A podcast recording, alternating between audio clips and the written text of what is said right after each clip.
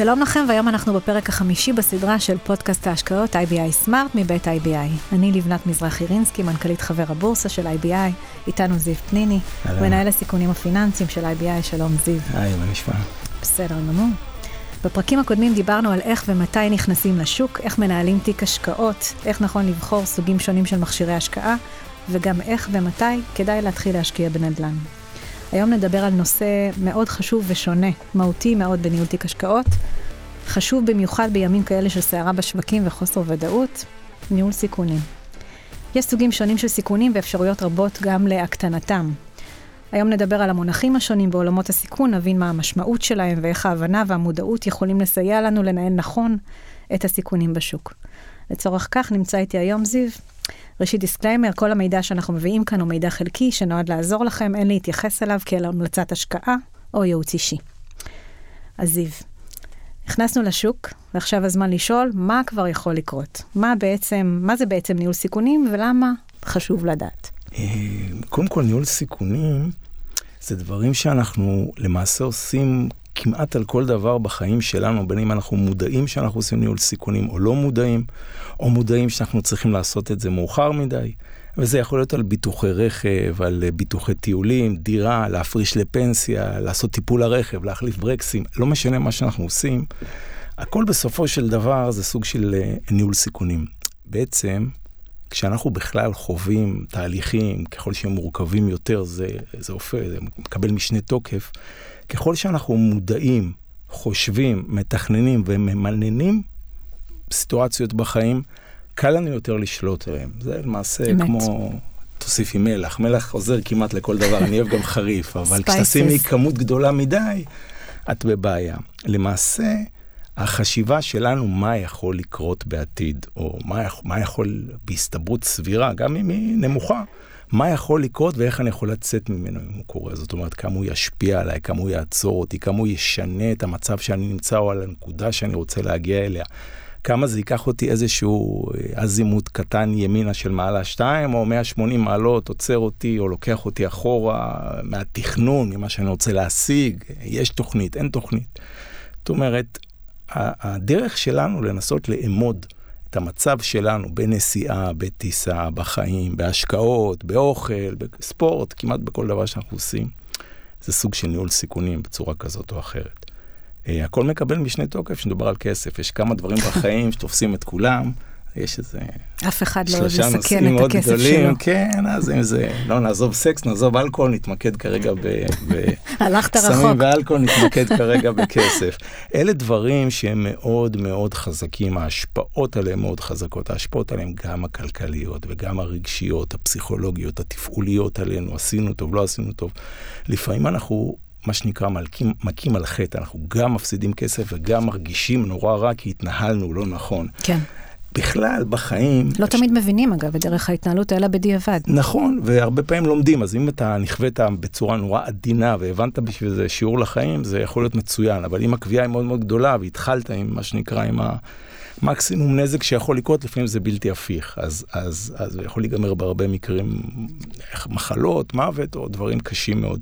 באופן כללי, כשאנחנו מסתכלים על ניהול סיכון, בכלל, יש, זה כמו ארבעת המינים.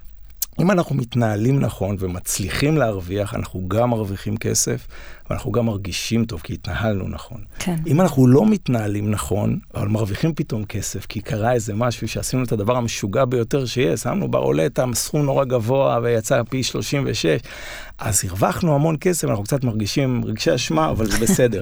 אם אנחנו מתנהלים נורא נכון, משהו לא מצליח, אנחנו יודעים להסביר לעצמנו מה קרה, איך השאר, איך להמשיך, ואנחנו מרגישים עם זה טוב.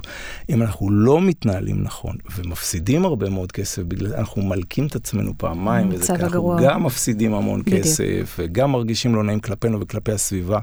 בכלל, בן אדם, לא ניכנס עכשיו לגבהים גבוהים, אבל להרגיש מאושר או להרגיש טוב עם עצמו, הרבה דברים זה רק כלים, זה שהוא ואחרים יעריכו אותו. זאת אומרת, אם אנשים מעריכים אותך במקום שאתה נמצא, בחברה, בחברים, במשפחה, בעבודה. שזה, האמת, אתה מחדד לכיוון של קבלת החלטות או התנהלות נכון, נכונה או מדויקת. שזה חלק מניהול סיכונים, נכון, כן. נכון. כשאנחנו מדברים על כסף, זה מקבל משנה תוקף. הרי כשאנחנו באים, גם אם ניקח את זה בצורה הבסיסית ביותר, ואני תמיד טוען, שכל דבר בחיים, כל דבר בחיים זה כפתור ווליום, זה ספקטרום. יש מחלש מאוד עד חזק מאוד, וזה לא משנה לחזור על דברים, אבל כן. כמעט כל דבר שיכול להיות טוב או רע, יש לו מינון ויש לו ספקטרום, יש לו כפתור ווליום מסוים. אז ככל שאנחנו בהשקעות נעשה דברים פשוטים יותר, ניהול הסיכונים יהיה קטן יותר, קל יותר, מהיר יותר, אינטואיטיבי יותר. ככל שאנחנו נרצה, נחפוץ, נעשה דברים מורכבים יותר, מסובכים יותר, ואני לא תמיד חסיד של דברים מסובכים, אבל ככל שנעשה דברים מורכבים, שיש להם פוטנציאל נפיץ מאוד, נצטרך ניהול סיכונים חזק יותר, אגרסיבי יותר, מורכב יותר, אה, יקר יותר. באופן כללי, סתם, כשאת, לא יודע, יש לך פיקדון כספי, בחוץ שאלו אותי, יש לי פיקדון, יש לי כן. דירה, דירה, יש לך פיקדון כספי, עגול 100 מיליון שקל, 100 אלף שקל, אני לא רוצה, כל אחד והסכומים שלו, אבל שיהיה סכום עגול. אז כשאתה מחזיק את הפיקדון הזה, אתה מאוד מאוד יודע כמה הוא שווה עכשיו, ועל ידי, אה, אם יש לו איזושהי ריבית, לאחרונה לא היה, אבל התחלנו לקבל ריביות כן. לאט לאט, אז בתחשיב ליניארי פשוט, אתה מאוד מאוד יכול לדעת כמה הסכום כסף הזה יהיה שווה עוד יום, עוד יומיים, עוד חצי שנה, עוד שנה. בדיוק. השקעה פשוטה, כן, סולידית. ככל שאתה קונה אגרות חוב ארוכות, אגרות חוב קונצרניות, מניות, מניות מאוד תנודתיות, מניות על מחצבים, על נפט, כן. על הייטק, על קריפטו, על, סכו, על דברים. נכסים שהם יותר אה, תנודתיים כן, או... כן, בלי, בלי להיכנס כרגע לז'רגון המקצועי, אני אקרא לזה נכסים שהמחיר העתידי שלהם, לכל, יכול מאוד להשתנות ממה שהוא לא עד עכשיו. נכון, mm-hmm. מאוד, לא ידוע, אבל יכול מאוד להשתנות, למטה או למעלה. זאת אומרת. אוקיי. נגיד, יכול להיות שגם אני מחזיק איזושהי איגרת חוב לעשר שנים, ואני רוצה, אין לי מושג מה זה יהיה עוד חודש, אבל זה יכול להיות עוד tick למעלה, tick למטה. אם אני מחזיק עכשיו קריפטו כפול שלוש באיזה תעודת סל, זה גם יכול להיות למעלה או למטה, אבל המון. בוא אני אעשה לך איזשהו טיזר. קראתי לאחרונה מאמר על הדרך שבה התבטא רב החובל של טיטניק, אדוארד ג'ון סמית. אני אצטט, מעולם לא ראיתי ספינה נטרפת בים, ומעולם לא הייתי בספינה נטרפת, מעולם לא הייתי במצב קשה, בו הייתי קרוב לאסון מכל סוג שהוא. רק להזכיר, רב החובל היה אחד מתוך 1,500 הנספים באירוע. נכון, נכון. אז האם יש דרך לצפות סיכונים ולהקטין יופי. אותם? אז יופי. אז זה אומר, תמיד אומרים, להתגלח על, על, על, על, מה שנקרא, על הזקן שלנו, על הזקן של אחרים, להסתכל, ללמוד, זה נקרא דדוקציה, הרבה פעמים להפנים או לדעת ממקרה אחד מה יכול לקרות הלאה, לקרוא, להבין. אבל לא תמיד צריך כל כך בכלל בחיים. רוב הדברים הם לא כל כך מורכבים. אם יש מודעות והבנה למה רוצים, כי לא תמיד רוצים, או אתה מבין שאתה רוצה אחרי שקרה משהו רע. בגלל זה הרבה פעמים בחוק, אם זה ביטוח, אם זה אה, פנסיה, מאלצים אותך, כי אתה צריך לעשות, אבל שחס וחלילה כן. לא יהיה מי שלא יעשה את זה, כי זה הניהול סיכונים הבסיסי ביותר שיש. חמאס לא אמר, בשביל, עוד לפני הגשמות כן. ודברים, בשביל לחיות בצורה נכונה, אז בשביל זה הרגולטור, המדינה עצמה נכנסת אליך נגד הפרטיות שלך ומאלצת אותך בצדק לעשות את המינימום. אבל... נכון, ביטוח מבנה, כן, שהוא חלק ממשכנתה, נכון, אתה מזכיר, לא, בדיוק, כי שלא תמצא את עצמך, כי לא, בוא, הייתי צר... נכון, אז uh, יש דברים שהמדינה לא נותנת. מצד שני, היא לא נכנסת לך לחסרונות שלך, ואת יודעת, אנחנו עדיין מדברים level, level 1, זה נגיד, לא לקחנו אשראים, לא לקחנו כן. התחייבויות, לא מינפנו, יש דברים שלא צריך להיכנס אליהם uh, בכיתה א' כרגע, כן. אולי פעם עוד מעט נגיע לכיתה ו'. כן. בהמשך. אז, אז אני אומר, ככל שאנחנו, הכסף שלנו, יושקע בנכסים, שהמחיר העתידי שלהם יכול להשתנות דרמטית, ואין לנו שליטה עליו, ובדרך כלל אין לנו שליטה עליו, אז כדאי להכניס איזה שהם כללים, אפילו מאוד בסיסיים, איך לפזר, או מה לקנות, או, או מה אנחנו רוצים לעשות, כדי שאנחנו נוכל או לדעת, או לפחות לתת רווח בר סמך. כלומר, בין כמה לכמה, אני, אני יש לי 100 אלף שקל, סתם בשביל להבין, וקניתי איזושהי, אפילו איגרת חוב, לחמש שנים ואני רוצה את הכסף בסוף השנה, וזה איגרת חוב ממשלתית. עדיין אם יש לי 100 אלף שקל, אני יכול להגיד, זה יהיה בין 92 אלף שקל ל-104 אלף שקל אם הריבית תעלה או זה ירד. אם קניתי איגרות חוב יותר אגרסיביות, רווח בר הסמך נפתח. אם אני קונה מניות, אז יהיה בין 90 ל-100 מניות אגרסיביות כן. מאוד, או נכסים שהם אגרסיביים, ולא פיזרתי והתמקדתי באיזשהם סקטורים.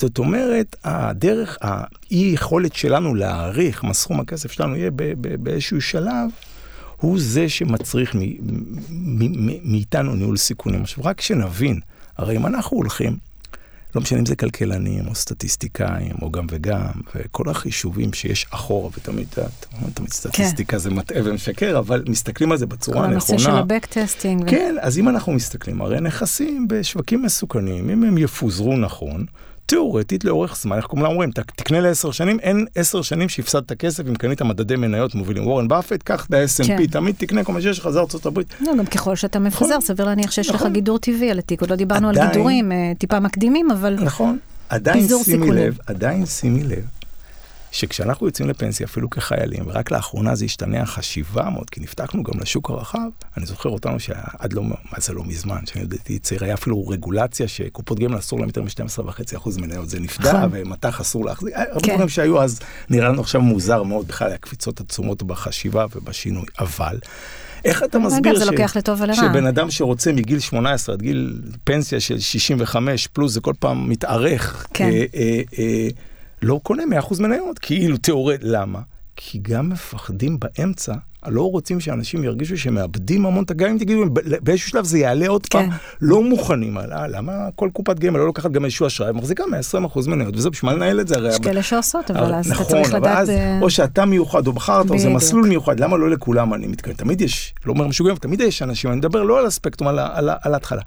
כי אנשים, וזה חלק מהניהול סיכונים, לא מוכנים לראות את, את הכסף העיקרי שלהם. אנחנו מניחים שכסף הפנסיה הוא כסף העיקרי לרוב האנשים. יש הרבה אנשים שיש להם כספים בצד מכל מיני... כן. זה דרך אחרת, אני תמיד אומר, כשמראים לי תיק, אה, יש איזשהו, יודע, 100 100 אלף שקל מושקע, אני תמיד מוצא מספר עגול, בצורה קצת אגרסיבית. כן. אז אני תמיד אומר, יש הבדל אם המאה אלף שקל זה מה שיש לך, או יש לך עוד חמש מיליון שקל צמוד פלוס אה, שתיים בבנק, או יש לך עוד שתי דירות, או שמתוך המאה אלף שקל להביא את התשעים אלף שקל והיה לך עשר אלף שקל הון עצמי. הדרכים שלנו להסתכל איך זה משפיע לנו על כלל ההחזקה, על התחושות שלנו, על האפשרות שלנו לפעול, על תזרים המזומנים. את יודעת, אנשים מחזיקים דירות שהם לא יכולים למכור, או מניות שהם לא יכולים למכור, ויש להם תזרים המזומנים קשים, ואתה כן. אתה, אתה צריך לנהל את הכל. אז כשאני מסתכל באופן כללי אה, אה, על הנושא של אה, ניהול סיכונים, אז, אז אני אומר, מאוד מאוד תלוי איך אתה משקיע, לאיזה זמן אתה משקיע, ומה אתה מצפה שיקרה, מה אתה מוכן לספוג שיקרה. בדיוק, אה, בוא נדבר שנייה על כמה אתה מוכן אה, לספוג. ניתן דוגמה רגע, ב-1983, משבר מניות הבנקים. נכון. אני זוכרת שצפיתי בניתוח, ניתוח מרתק על האירוע בדיעבד. הדבר שהכי הדהים את המשקיעים, הוא שההשקעה הכי בטוחה שהכירו עד לעת ההיא ירדה כמעט נכון, לגמרי נכון, לטמיון. נכון. אנשים הפסידו הכל. נכון. זו שאלה באמת, אם מסתכלים על השקעות בהיבט של ניהול סיכונים, באופן אה, בינארי, 0 או 1, יש לי הכל או אין לי כלום. ואיפה המקום שלנו להכניס איזשהו, אתה יודע, אה, סנס לתוך האירוע הזה ולהגיד, אה, אה, כאשר אתה נכנס, מה שמשפיע, כמו שאמרת קודם, התנודתיות, התנודתיות לחזות את אה, אי-הוודאות על, אה, על כל אה, נכס שאתה רוכש, לנסות להקטין אותה ככל הניתן, ותמיד אפשר להפסיד הכל, אבל מאוד תלוי מה אתה עושה על מנת להקטין את נכון, הפער הזה. נכון. אה, תראי, קודם כל, אם את מסתכלת, וזה גם יכול להיות משבר הבנקאיות שציינת, וגם זה יכול להיות משבר הדוט קום ב-2000, וגם זה יכול להיות עוד ב-95, שהיה את ה...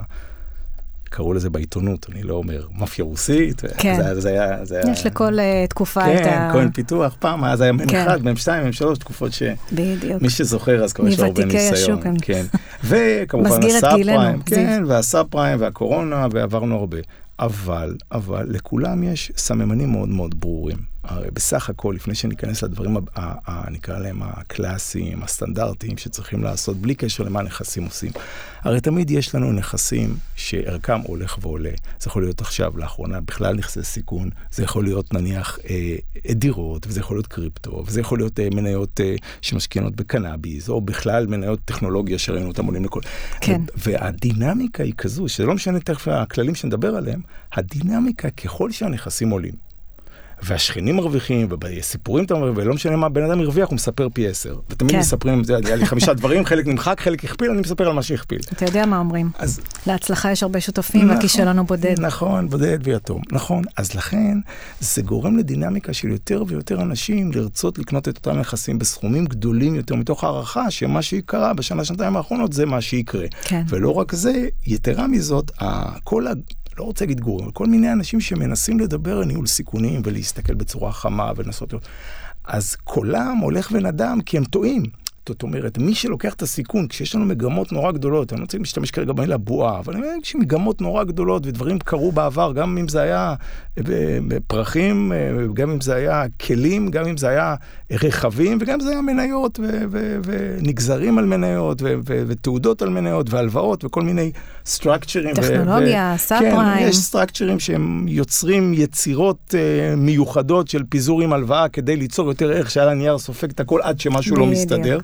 אז זה הדברים... מסוג המכשירים גם שאף אחד לא באמת מבין מה נכון, הסיכון אבל בגינם. גם כשהוא מבין ואפשר לפרק, ו... כן. אז אומרים לו, אתה לא מבין, כי, כי מה שאתה אומר, א', זה לא קרה. וזה, וממשיך לא לקרות, אז כנראה שאתה טועה, כי אני אומר לך שזה בסדר. וב', יש שם הנחות עבודה שהן קצת קשות, שאחרי שדילגת עליהן, כל השאר נראה הגיוני. הנה זה מפוזר, ולכן לא יכול לקרות שכולם בעת ובדרך כלל לא... אבל אם... התרחיש שלעולם לא יתרחש נכון, עד שהוא- עד שהוא הדינמ- קורה, כן, אפרופו הטיטניק. ואז הדינמיקה היא כזו, איך אומרים שאת אומרת אה, אה, טיטניק? רק כדי לנסות להבין. אם היינו יודעים שנזק מגיע בצורה ליניארית ומדורגת, זה היה מצוין. אני רוכב גם על אופנועים מכל הבעיות, ש... כל החטאים שלי. אם הייתי יודע שבאופנוע אתה צריך קודם כל ליפול מהג'ק ולקבל שריטה, אחר כך לבלום לא טוב ולקבל מכה, אחר כך לעשות תאונה קטנה ולשבור את היד, ואז אתה עושה תאונה גדולה ושובר את המפרקת, אז הייתי יודע, עוד לא קרה לי כלום, אני עוד לא בשלב הראשון. זאת אומרת, עד שאני לא יקרה, כן. לא, אתה יודע שהשלב האחרון יכול לבוא ראשון. את, ברגע שאתה יודע... מעבר לזה שאתה יודע שיש לו ודאות, זאת אומרת, זה לא שאלה של... נכון, אה, אבל אני אומר, אם זה שאלה ברגע- של מתי. ברגע שהנזק לא מגיע בצורה ליניארית ועם תחנות עבודה, זאת אומרת, יש לך מיילסטון שעוד לא הגעת למה, אז אני לא דואג. דלק, יש לי דלק, אני רוצה לנסוע, זה גם ניהול סיכונים. אז עד שלא יורד לי חצי דלק, אני יכול לנסוע, הוא לא ייעלם פתאום, כי הוא כן. ליניארי, והוא יורד לפי הנסיעה, המכוניות חשמליות. אני יודע כמה טעינה יש לי, אני יודע כמה קילומטר זה ליניארי, זאת אומרת, יורד בדיוק ליניארי, אבל זה יורד בצורה די מדורגת, ואני יכול להניח זה כמו ולהעריך. הפרק של סיינפלד, שהוא נסע עד שנגמר. נכון. אתגר ו- את עצמו. נכון. אז, אז למה אני אומר? כי כשיש דברים שאסור לך לחוות אפילו פעם אחת, אנחנו הרבה פעמים, ואת מכירה בדיונים, זה עוד לא קרה. אסור שזה יקרה פעם אחת, בדיוק. כי כשיש דברים... ה doomsday. נכון, אז כשיש דברים שפעם אחת זה קורה, זה כבר פעם אחת יותר מדי וזה Game Over, אז אסור לך להיות שם. אסור לך להיות שם. הרי אנחנו לא רוצים לשחק עם איזשהו אה, רולטה רוסית, גם אם היה יותר מ- משש כדורים בתופי. אנחנו לא רוצים להיות שם, כי אז אנחנו באמת, לא... שוק ההון, אתה משווה אותו לרולות הרוסית? לא, אבל, אבל, אבל אני רוצה להגיד כל דבר, וזה אנשים טועים. הסיכון הוא לא בשוק ההון, והסיכון הוא לא בסוג הנכסים. ואני אומר את זה בתור אחד, ואת יודעת שאנחנו משקיעים, ואני יושב כמעט בכל דבר שזז ונושם כן. ומותר, אנחנו שם. הנכסים הם כמו סוג, אני לא רוצה להגיד של סם, אז בואו נשתמש ב- ב- במיץ פטל, ברקז. זאת אומרת, הוא מרוכז מאוד. כדי לדעת כמה זה ישפיע עליי, שאלה כמה אני צורך ממנו. זאת אומרת, אם אני לוקח איזשהו מיץ פטל ושם הרבה מים, אז בסך הכל זה הרי, בסך הכל נשאר מים של, יש להם קצת מיץ פטל והרבה מים, וזה אפילו טעים ונעים ומתוק. למה אני אומר את זה? כי זה לא משנה אם השקעתי כרגע במניה הכי מסוכנת שיש לי, שיש, בסדר? כן. אם יש לי 2% בתיק, ב-Worst case, אני מאבד 2% בתיק, זה הניהול סיכונים שלי מצוין. אבל אם אני משקיע 40% במניה הזאת ועוד 40% ולוקח אשראי ועוד, אז הניהול סיכונים שלי נהיה יותר אגרסיבי, כי התוצר שיכול לקרות ביום רע, שהכל ביחד יהיה באיזשהו מצב רע, הוא משפיע עליי בצורה נורא דרמטית. אז לכן... בוא רגע, לפני שאנחנו מדברים על אה, הקטנת אה, סיכונים באמצעות אה, מכשירים לגידור, כן. נדבר על גידור טבעי. בדיוק התחלת להגיד את זה, כל נכון. הנושא של הלוקציות, של נכון. פיזור העתיק שלנו, עד כמה באמת הוא זה שיכול להשפיע אז על הסיכון אומר- בתיק. אז אני אומר ככה, הדבר הכי לואו-טק של כן. ניהול סיכונים, זה דבר כזה. אמרת יש- פשוט, אגב, זה מאוד נכון במובן הזה. זאת אומרת, הגידור הטבעי הוא כנראה הדבר לא, שהכי נכון להתחיל איתו. אז אם אנחנו מתחילים עם הלואו-טק של ניהול סיכונים, ואנחנו נגיע להייטק, ואני גם שם, ואת הרי יודעת, אבל הנושא של הלואו-טק, אם אני לוקח תיק ואני מחלק אותו לשלושה חלקים, אפשר להתווכח ולהתדיין ולהכניס הרבה מהיגיון, גודל הבן אדם, מה יש לו עוד בצד, מה יכול לקרות, נכסים, דיברתם נדל"ן, לא שכירים, כן שכירים, אה, יכול, אה, כמה יכול, אם הוא מפסיד או אם התרחיש הרע מת, מתרחש, אבל יש לי את החלק הראשון, שהוא כנראה החלק הארי, והוא אפשר גם בו לעשות איזושהי אלוקציה, הוא לא חלק האג"חי שלי, שהתפקיד שלו לתת לי תשואה, ובדבר הזה בדרך כלל הם מנסים לפזר לכמה שיותר איגרות חוב, כדי שאם יהיה כשל מסוים של איגרת חוב ספציפית, או של אפיק מאוד ספציפי, או של אתה לא מנפיק. מדבר על אה, ריבית חסרת סיכון, אתה מדבר על אה, אגרות חוב קונצרני, קונצרניות, חברות. דרך אגב, גם של מדינה יכול להיכנס פנימה. אגב, ראינו גם מדינות, ואנחנו מתחילים לשמוע על מדינות שגם שם לא תמיד נוח, וגם ההיסטוריה הראתה שמדינות יודעות אה, להיות בחדל פירעון. אבל כן, ההסתכלות היא מה שנקרא אצלנו triple A, או קונצרני של בנקים, חברות כן. ביטוח, פיננסי, כל הנושא של לקנות בדירוג. גבוה, או כן. לדעת באיזה דירוג אם- אתה קונה. אז אם אנחנו מפזרים, אני לא רוצה להיכנס לדברים שהם יותר מורכבים, מאוד פשוט, בוודאי. אני קונה, אפשר גם בתעודת סל, פשוט באגרות חוב, אני עוד בא מהתקופה שהריביות נמוכות. אז אם אנחנו גם שומעים דמי ניהול, ואני לא נגד, יש- זה הרבה שזה המקצוע שלהם, אני לא לוקח לאף אחד את העבודה, ויש להם added value ובגלל זה משלמים להם, אבל אם אנחנו. מסתכלים עכשיו, ואנחנו רוצים לפזר, אנחנו קונים, אפילו עשרה אגרות חוב, ואנחנו מפזרים ביניהם את הכסף, אז אני יודע שהחלק הזה, זה החלק העיקרי, לא אמור להיות בו איזשהו נזק total loss של כל, אני יכול לראות היסטורית, אנחנו אחר כך נדבר על שיטות, מה כבר יכול לקרות במדדי אגרות חוב, כמה הם יכולים לרדת בתקופה של יום, יומיים, חודש, חודשיים, כמה היה ברבעון הגרוע ביותר, מה זה יכול להשקיע. האם זה מידע שהוא נגיש לכל אה, משקיע, או שזה משהו שאתה, אתה יודע, שוחחנו עם, עם איראן שורנליסט ועם... אז אני אומר, אפשר להשיג את זה. את גם יודעת שאני לפי סטיות תקן של נכסים ולפי התנהלות שלהם יודע את לפחות פוטנציאל בהסתברות סבירה, כן. מה הם יכולים לעשות קדימה, אבל גם לבן אדם רגיל כשהוא מדבר על אגרות חוב שאנחנו קוראים להם הבלו צ'יפ או השמנה והסלטה של אגרות החוב, כן. או של הגופים הקונצרנים בארץ, הוא לא צריך ממש ללכת לעשות ניתוח, הוא יכול לעשות ניתוח, אבל כל היופי שלו שהוא פועל בשוק משוכלל. לא מישהו בא ולקח ממנו איזושהי הלוואה, לא בא מישהו ולקח ממנו איזושהי הלוואה אישית מול העסק ומשכן לו מניות, לא שכירות, כן. הוא צריך עכשיו לנתח את העסק. הוא נמצא בשוק מאוד שכיר, שהגופים המוסדיים שם קונים ומוכרים, והם בעצם נותנים את הנזילות, והם בעצם בעלי הבית של המניות, והמניות האלה מוכרות והן הגדולות ביותר ונמצאות בכל האגרות חוב, בכל פנסיה בישראל. ולכן האגרות חוב הללו הם העוגן שלו בתיק, לא יכול לקרות שם נזק מאוד גדול, יכול להיות הפסד מסוים, יכול להיות אולי, אני לא זוכר. מבחינתך להחזיק אה, כמה אגרות חוב בתיק השקעות אומר כן, שאתה אומרים, מקטין סיכונים בהגדרה? נכון, אז אומרים, יש כאילו תהליך הפוך בין מניות לבין אגרות חוב. הרי מה אומרים על, אני רוצה תכף נסכם את זה ואז נמשיך הלאה. תמיד הטענה היא של וורן באפט למשל, שאני כן. נורא חסיד שלו. לא של, מזכירים של אותו כאן בפודקאסט. כן, אז אה, זה אביטו, גם, לגמרי. גם אה, ממי שהוא למד גרם. אלה אבי שיטות הערך, לנתח חברות, להחזיק את החברות ולהחזיק אותן תיאורטית עד אינסוף, לא מוכרים, כי כן. אתה שותף בחברה, ואם החברה יורדת והיא טובה, אפילו קונים עוד וממשיכים ומחזיקים. אמת. אבל הטענה שלו, יש לו הרבה אמרות נכונות, כי הוא מכיר את ה... גם אנחנו מכירים את המערכת מכל הכיוונים, ואיפה החמאה, ומאיפה כל אחד מרוויח. הטענה שלו, שמי שלא מכיר, יקנה במקום אה, מניות או אגרות חוב את התעודת סל, ומה שנקרא, יקנה את כל, את כל השוק, אתה לא יכול לנצח את השוק. ומי שכן, שיקנה מעט מאוד מניות שהוא מאמין בהן, כדי שיהיה לו גם הסיכון בא עם סיכוי. כן. אחרת אתה תהיה חזרה בשוק, והרעיון של כל קרנות גידור, או מי שמרוויח, יוכל לעשות קדימה. אנחנו קופצים נורא קדימה, אני צריך לחזור אחורה. אז גם הוא טוען לא לפזר יותר מדי במניות, אבל אגרות חוב אין דבר כזה לא לפזר יותר מדי, כי אנחנו לא צריכים איזשהו ערך בחברה. אם לי יש. אה, איגרת חוב אחת של בנק שנותן לי תשואה של 4%, אה, כן. אני אעדיף ארבע בנקים שכל אחד ארבע אחוז להחזיק רבע בכל אחד, אני מקבל את אותו דבר, זה לא כמו איזושהי מניה שככל שאני מפזר, אני נהיה מדדי. ואז אתה לא חייב לשים את, ה... את כן, כל הביצים בסל אחד. זה קונה... תופס גם באגרות חוב, גם במניות, ובאופן נכון, כללי, נכון, רוחבית בתיק ההשקעות. נכון, אז אני קונה באותו החלק המדדי שלי את ה fixed income, זה מה שאמור לתת לי כל חודש בחודשו, איזושהי תשואה שהולכת ועולה. כן. ואם זה בריבית דריבית, כי כל פעם שאני מקבל קופונים, חלקים מהקרן אני משקיע מחדש, זה הדרך שלי להרוויח את הבסיס של התיק שלי. באיזה עוד אמצעים אה, לא מלאכותיים נקרא לזה, אתה יכול להקטין אה, סיכון באופן טבעי. אז תכף נגיע לכמה מכשירים קצת יותר, אבל אני אומר שוב, ככל שהאגרות חוב יהיו האגרות חוב המדורגות גבוה יותר, או מה שנקרא של חברות של המדדים הגבוהים, חברות הגבוהות, וזה אין שום בעיה לך, מה זה מניות תל אביב 100, מה זה 125, מה זה תל אביב 90, מה זה תל אביב 30, זה המניות הגדולות ביותר, זה השמנה והסלטה והחשבונות עם השווי שוק הגדול ביותר. על אף שאם נשים איזשהו דיסקלמר על כל נושא הדירוג, אז אנחנו יודעים שדירוג נכון, הוא תמיד בדיעבד, נכון, חברות הדירוג מדרגות, נכון, ב, אתה יודע, על דוח נכון, כספי נכון, שכבר אה, לגמרי, לגמרי. עבד עליו הקלח ואנחנו באירועים אחרים לגמרי, צריך לקחת גם את זה בערבון מוגבל. אני מסכים לגמרי, ולכן את אומרת, זה לא שבאתי ואמרתי תחפש דירוג, לא, כי אני בדעת דעתך גם על אותם המדרגים. אני יודעת. אה, אה, כן, אני מכירה את ה... לא אחת דיברנו על זה. נכון, אבל אני כן אומר שכשאני מתחיל, אם אני משקיע את החלק האג"חי שלי באגרות חוב, שהם ה triple A, הם האגרות חוב לא בגלל שהם דורגו triple A, הם החברות הגדולות במשק. הם, אני לא צריך להסתכל אחורה, אבל הם שרדו, הם מקדימים, הם עובדות, ב, או שיש להם איזשהו יתרון יחסי. אני לא רוצה להיכנס בכוונה כרגע לנושא של... דווקא מכשיר, סליחה שאני קוטעת, אבל דווקא מכשיר האג"ח הוא מכשיר שפחות מוכר למשק הבית. דיברנו עליו לא אחת, ובכל זאת, בהנחה שיש לנו תיק מניות ללא אגרות חוב, ושדווקא נושא אגרות החוב מרתיע את המשקיעים, על אף שהוא לא, מכשיר הרבה יותר סולידי.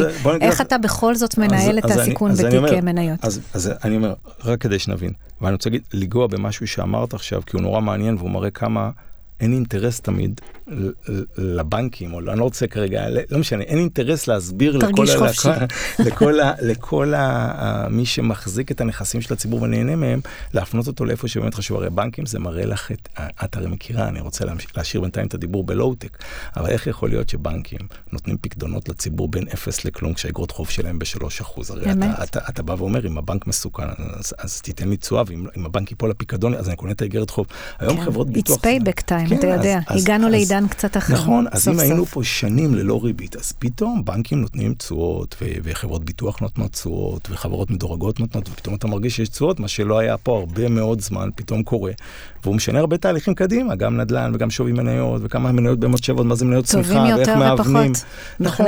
אבל אני אומר עוד פעם, אז יש לנו את החלק של האג"ח. ואחרי האג"ח עכשיו יש לנו חלק של המניות. אז אם אנחנו מכירים מניות, ולא משנה כרגע המודל, לא ניכנס למודלים, למרות שיש לי הרבה מודלים בראש לדבר עליהם, אבל לא משנה כרגע יודעת. המודלים, אז... אז או שאני קונה מניות שאני מאמין בהן, או ששמעתי ומפזר גם ביניהם, לא צריך פיזור גדול מדי, או קונה תעודת סל שמובילה בעלות מאוד מאוד נמוכה, ואני מחזיק מה שנקרא את, את, את שווי השוק של החברות הגדולות במשק. אבל שם כשיש לך דרופ, אם תסתכל באמת על השבועות נכון, האחרונים, נכון. כולם, כולם יורדים, כולם לגמרי. מפסידים, צריך לבחור את מי שיורד אה, פחות. אבל- אז איך בכל זאת אפשר להגן נכון. על ההשקעות שלנו אז- על מנת שלא אז נפסיד? לפני אה, שאנחנו נעבור לא נפסיד לחלק ה... יותר. נכון, החלק היותר גבוה, ואני רוצה שנגיע לשם, אז אני רק בא ואומר, ה- ה- ה- גם הדרופים הגדולים שאת אומרת, אתה כן. צריך להבין, גם אם מניות ירדו 30 אחוז, משהו שהוא דרמטי, פה מתחילת שנה אולי קרה דבר כזה, אבל נגיד שאני, ואני מחזיק 10 אחוז מהתיק, אבל בואי, אז אני 3 אחוז מהתיק ירד, לא הולכים עם זה לאיזשהו מקום, וההפך, זה עושה לך הרגשה טובה שאת עוד הפסדת פחות מכל המומחים, ותוכל. להסתובב מבחינה פסיכולוגית טוב ולהבין שאולי כדאי עכשיו את ה-10 אחוז להגדיל ל-20 אחוז, כי לאורך זמן זה צריך לעלות, הרי אנחנו יודעים שלאורך זמן נכסי סיכון ונכסים מובילים של חברות, בין אם הן משלמות דיבידנד ובין אם הן לא, והמחיר שלהם הולך ועולה כי הן צוברות את ההון וממשיכות לעבוד איתו, הרי עושות ערך.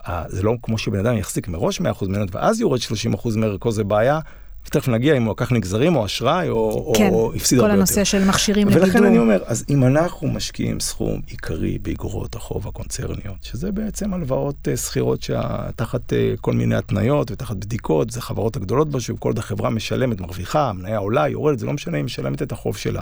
אז מצבנו בפיקס אינקאם טוב. השלב השני הוא באמת שלב המניות, 10, 20, 30 אחוז מניות. וגם אם לאורך זמן זה עולה, אני לא רוצה שבפרקי זמן הקצרים זה יפגע בי, אני ארגיש שאני חייב למכור, אני לא אשן בלילה. זה כמו שמישהו פעם אמר, כמה מניות אני צריך להחזיק? אומר, כמה אתה מחזיק? 100 אחוז מניות. נו, ואתה ישן בלילה? לא. אז תמכור כל יום 2-3 אחוזים, תראה שאתה נרדם. ברגע שאתה נרדם זה אחוז המניות שאתה צריך להחזיק בתיק. אתה, אתה, לא יכול רק את הקטע. הכלכלי בתיק, כי אצלנו תמיד זה בא הכל או ביחד. שתקנה ואל תסתכל, אל תביט לאחור. נכון, אז אני אומר עוד פעם, וזה תכף נדבר על פסיבי אקטיבי, שגם זה אני בדיוק. רוצה להגיע, אז, אז אה, בהחלט מה שאת אומרת הוא נכון, אבל כולנו, ובגלל זה אני רוצה תכף להסביר את זה, מסתכלים ביום-יום כי מראים לנו את זה. הרי גם נדל"ן, לא תמיד יודעים כמה הדירה שווה, כי זה לא כמו שוק, זה לא שמעל הדירות שלנו יש שלטים וכל יום את רואה כמה עניין זה עולה. למרות שלאחרונה זה כן נתן תחושה כזאת, ובגלל זה ראית מה קרה, ושוב הדינמיקה של מניות ודינמיקה של אה, נכסי השקעה פתאום נכנסה לנדל"ן, כי הנדל"ן התחיל להיות כחלק ההשקעה.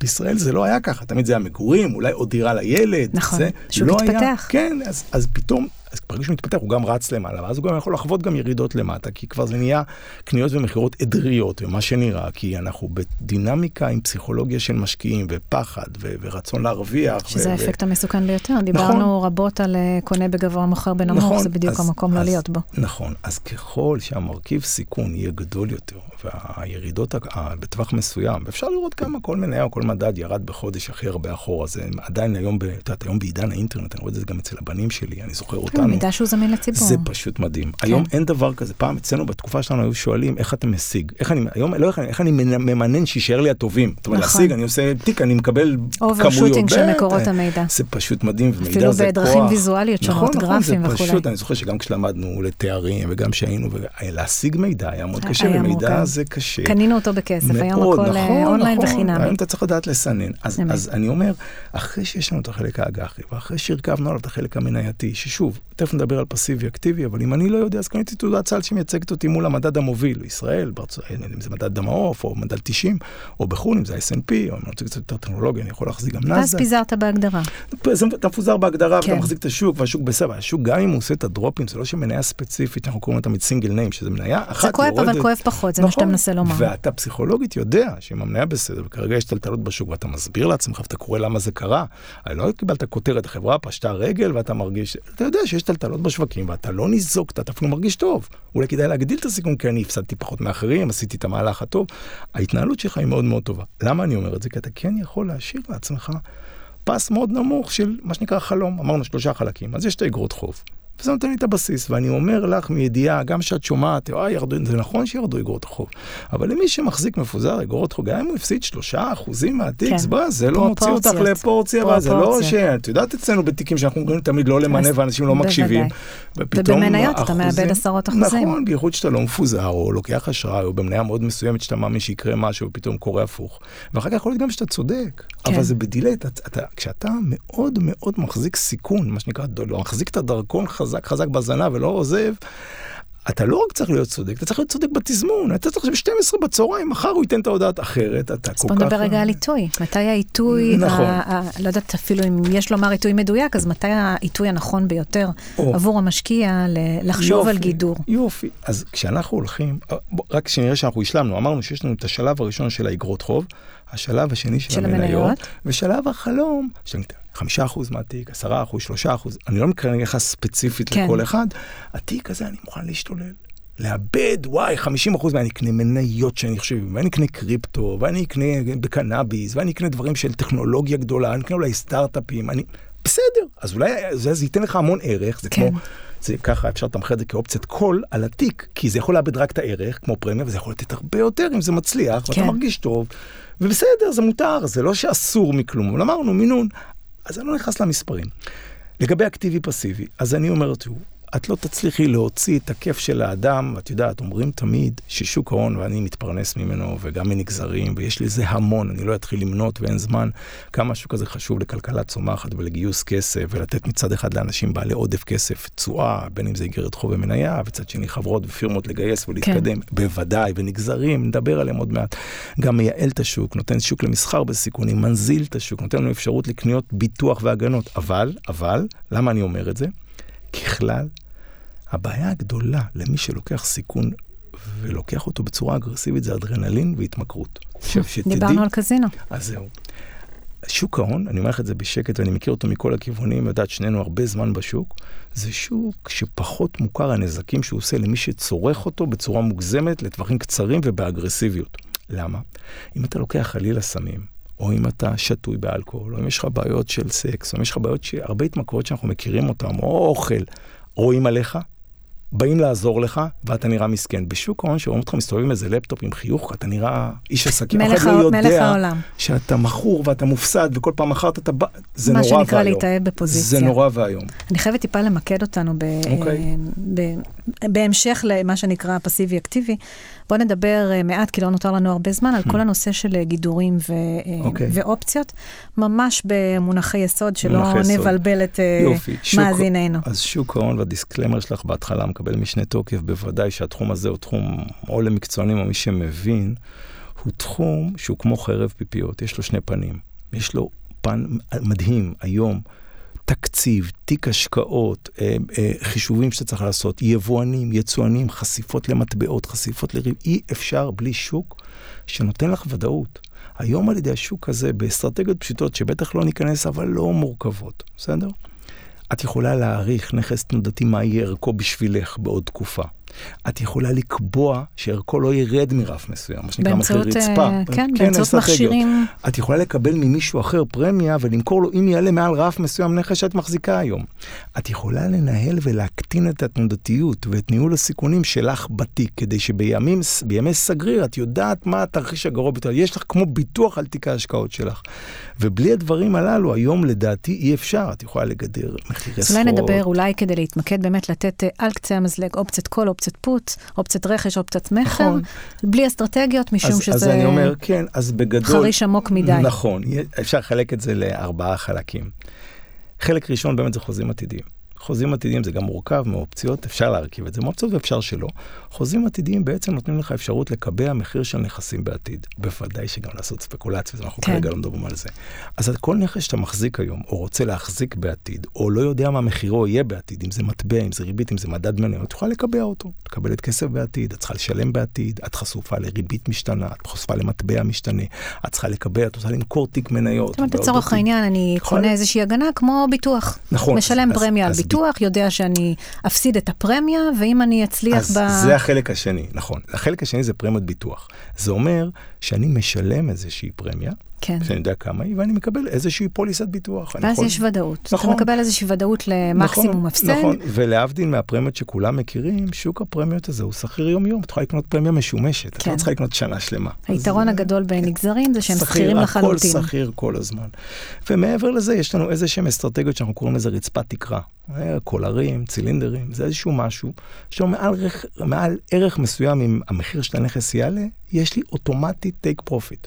מהמם. מתחת ערך מסוים יש לי אוטומטית stop loss. זאת אומרת שתיחמתי לי מראש, ניהול סיכונים, תיחמתי לי מראש מה הנזק הגדול ביותר שיכול לקרות לי בתיק ההשקעות, כן, ומה הרווח הגדול, כי תיחמתי take profit כרגע. כן. ואז עם הדברים האלה אני יכול יותר אה, לנהל את הסיכון שלי. אבל אני רוצה להגיד על זה משהו שהוא נורא חשוב לי, אם פה נסיים, אז אני את שלי עשיתי וכל מה שתוסף את זה, זה. אתה יודע, שיעור בנגזרים זה שיעור בפני כן, עצמו, זה- אני נצטרך לפחות עוד נכון, שעתיים. נכון. אז, אז מה שקורה בעצם, השקעות הן בעצם, אם אני על רגל אחת, נותנות רווח, במיוחד במניות, ככל שטווח ההשקעה מוחזק ארוך יותר. כן, ככל שאנחנו מקצרים וכאילו סוחרים, אנחנו טועים. מהרבה סיבות שאני רואה את המבטים מסביב, אז אין זמן להיכנס אליהם, אבל בגדול, מי שסוחר הרבה בטווח קצר, עזבי את העמלות והספרדים שהוא משלם, מצבו כנראה ייגמר לא טוב, בטווח קצר יותר או ארוך יותר. הרבה פעמים קצר זה טוב, כי אז הוא מבין שזה לא טוב, ארוך הוא בהתחלה מרוויח והוא זה מגדיל את ה... התנהגות שאפשר לדמות להרבה נכון, מאוד אה, אבל אפיקים בגלל אחרים. שאנחנו לא יכולים לקחת את זה מהבן אדם, אין, צריך ליהנות גם בחיים,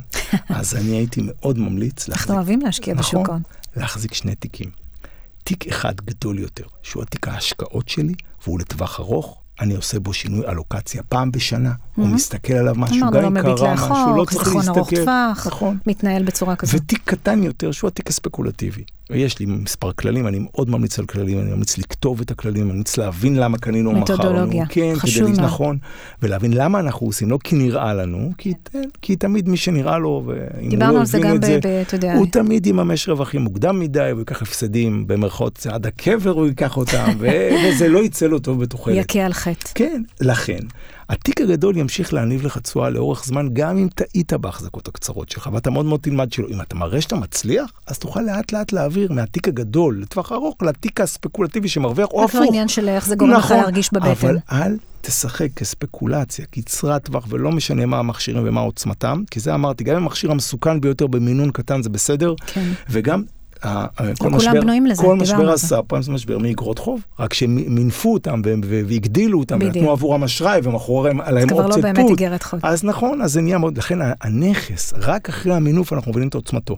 לכן אם נחלק מראש את שני התיקים, שאחד יהיה בכללים מאוד בסיסיים, לואו-טק לטווח ארוך, כמו פנסיה, גם אם את לבד, את יכולה להיות קצת יותר אגרסיבית, אבל משהו לטווח אגב, ארוך. גם שם יש מסלולים לבחירה. נכון. אתה יכול לבחור. ולהחזיק תיק יותר קטן שעליו אתה תעשה את אותה מסחר, וגם שם אני ממליץ שזה לא יהיה מסחר יומי, אבל נניח שאתה רוצה פעם בחודש, פעם בשבוע להסתכל. כן, וגם זה חשוב לומר שלא כולם בנויים לחלק הזה. זאת אומרת, מסכים. רובנו, מה נכון, שנקרא נכון. המשקיע הסביר, נכון. בנוי לקחת תיק השקעות ולהשקיע אותו ברמה אני- סולידית זו או אחרת, עם רמת תנודתיות כזו או אחרת. לגמרי. אני אגיד עוד מילה, שאם בן אדם רוצה להבין אם הוא במסלול הטוב בתיק הקטן שלו דווקא, כי הגדול הוא בסך הכל בסדר, רק צריך לשנות שם את שלושת הדברים שאמרנו, שיחשוב כמה הוא רוצה להרוויח בשנה וכמה הוא מוכן להפסיד. למה אני אומר את זה? הרבה פעמים כשאני שואל אנשים, בין אם זה לקוחות, בין אם זה תלמידים שאני הולך קורס, בין אם זה אנשים שאני נתקל בשיחות חולין, אתה רואה שהשיחה של הבן אדם היא נורא בסדר, בן אדם נורא נורמטיבי, אני רוצה להרוויח 10% בשנה, אני לא... כן. אני מסתכל על תיק ההשקעות שלו, אתה מנסה להרוויח 10% ביומיים.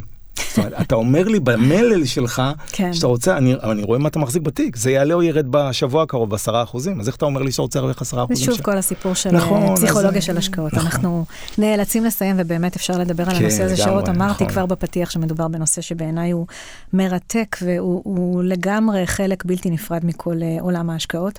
אני חושבת שלמדנו פחות או יותר ממה שנקרא אה, in a nutshell, מהו סיכון בניהול תיק השקעות, ממה חשוב להיזהר, איך כן. מזהים סיכונים, איך מנטרים ואיך מטפלים בהם, גם באופן טבעי וגם באופן, מה שנקרא מלאכותי, אבל באמצעות אה, אופציות, נגענו בזה ממש מעט, זה ממש שיעור מעט. אה, נפרד, כן, מעט נכון. מושגי יסוד, לא דיברנו בכלל על, אה, על שורטים, על נכון. עסקאות עתידיות מכל, מכל הסוגים, אבל יש עוד המון המון ידע, יש המון מקורות מידע שאפשר אה, לצבור ולקרוא. אה, אני ממליצה בחום לכל מי שמנהל תיק השקעות אה, לגעת בנושא הזה של איך מנהלים סיכון על התיק שלך. אה, זהו, תודה זיו על שיעור מרתק. תודה לך, לבנת.